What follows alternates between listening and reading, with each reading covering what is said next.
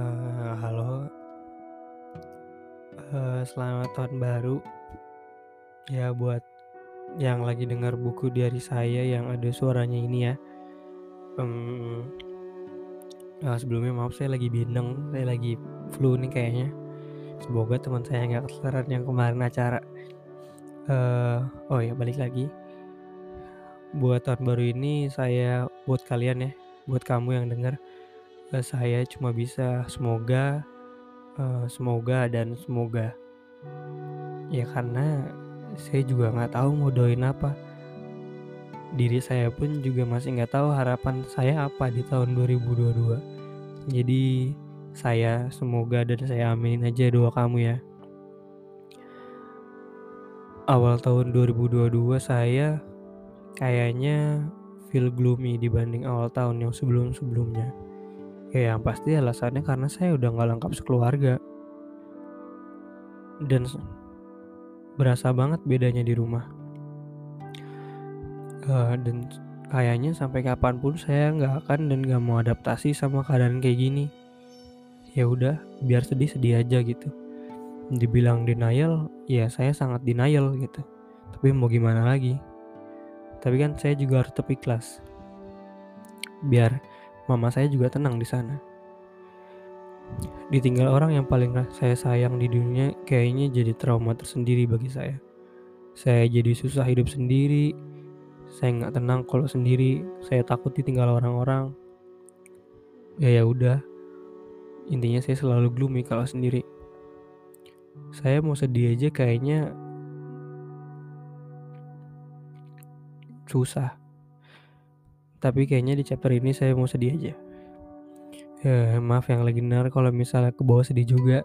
Tapi makasih udah dengar sampai halaman ini. Jadi saya cuma cerita. Eee, saya masih ingat terakhir saya interaksi sama mama itu, saya cuma dielus kepalanya karena saya juga lagi parah-parahnya Covid. Gak lama saya tidur dan mama juga tidur. Terus ya udah, habis itu bangun berlanjut dan berlanjut berlanjut. Eee, saya nggak mau cerita dalam-dalam karena saya nggak mau inget pas enak-nggak enaknya. Yang saya rindu sebenarnya dari mama cuma hal-hal simpel. Kayak misalnya saya suka diingetin sholat lewat WA. Kalau misalnya saya jauh di Bandung atau di rumah kadang, karena mungkin mama saya malas teriak ya. Atau tiba-tiba dihubungin cuman mau nanyain kabar ibu kosan. Nah itu ibu saya sering. Tapi emang ya gitulah mama saya.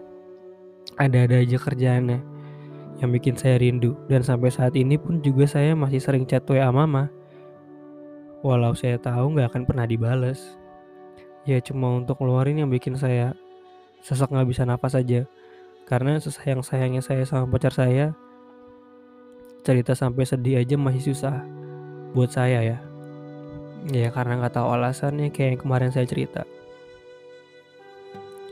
Ya, gitu deh. Sebenarnya yang bikin saya sedih ya, saya sebenarnya remind-remind aja. Sebenarnya itu aja yang mau saya ceritain sedikit. Saya yang saya alamin di tahun baru ini yang beda. Eee, buat yang lagi dengar buku bersuara saya ini, saya nggak mau sotoy, tapi kalau kata Master Oogway di Kung Fu Panda, eee, yesterday is history, tomorrow is a mystery, and today is a gift. That's why they call it the present. Nah itu kena di saya semenjak mama nggak ada. Karena kenapa? Ya manfaatin waktu yang masih ada. Manfaatin ke orang-orang yang kamu sayang, walau kadang ada selisih dan berantem, tapi tapi tetap hargain waktu yang dikasih. Jangan sampai nyesel nantinya pas mereka udah nggak ada. Berarti saya nyesel, saya nggak nyesel mama saya udah nggak ada karena ya saya yakin saya udah bikin mama saya bangga udah ngelahirin saya dan adik-adik saya. Jadi saya nggak nyesel, saya nggak ngerasa saya belum ngasih yang terbaik buat mama. Saya yakin juga mama berpikir berpikir yang sama tentang itu. Dan saya ngomong ke adik-adik saya kalau jangan pernah mikir kalau kita belum cukup buat mama.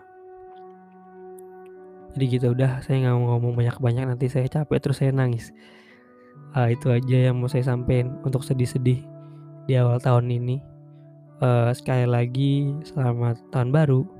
Dadah.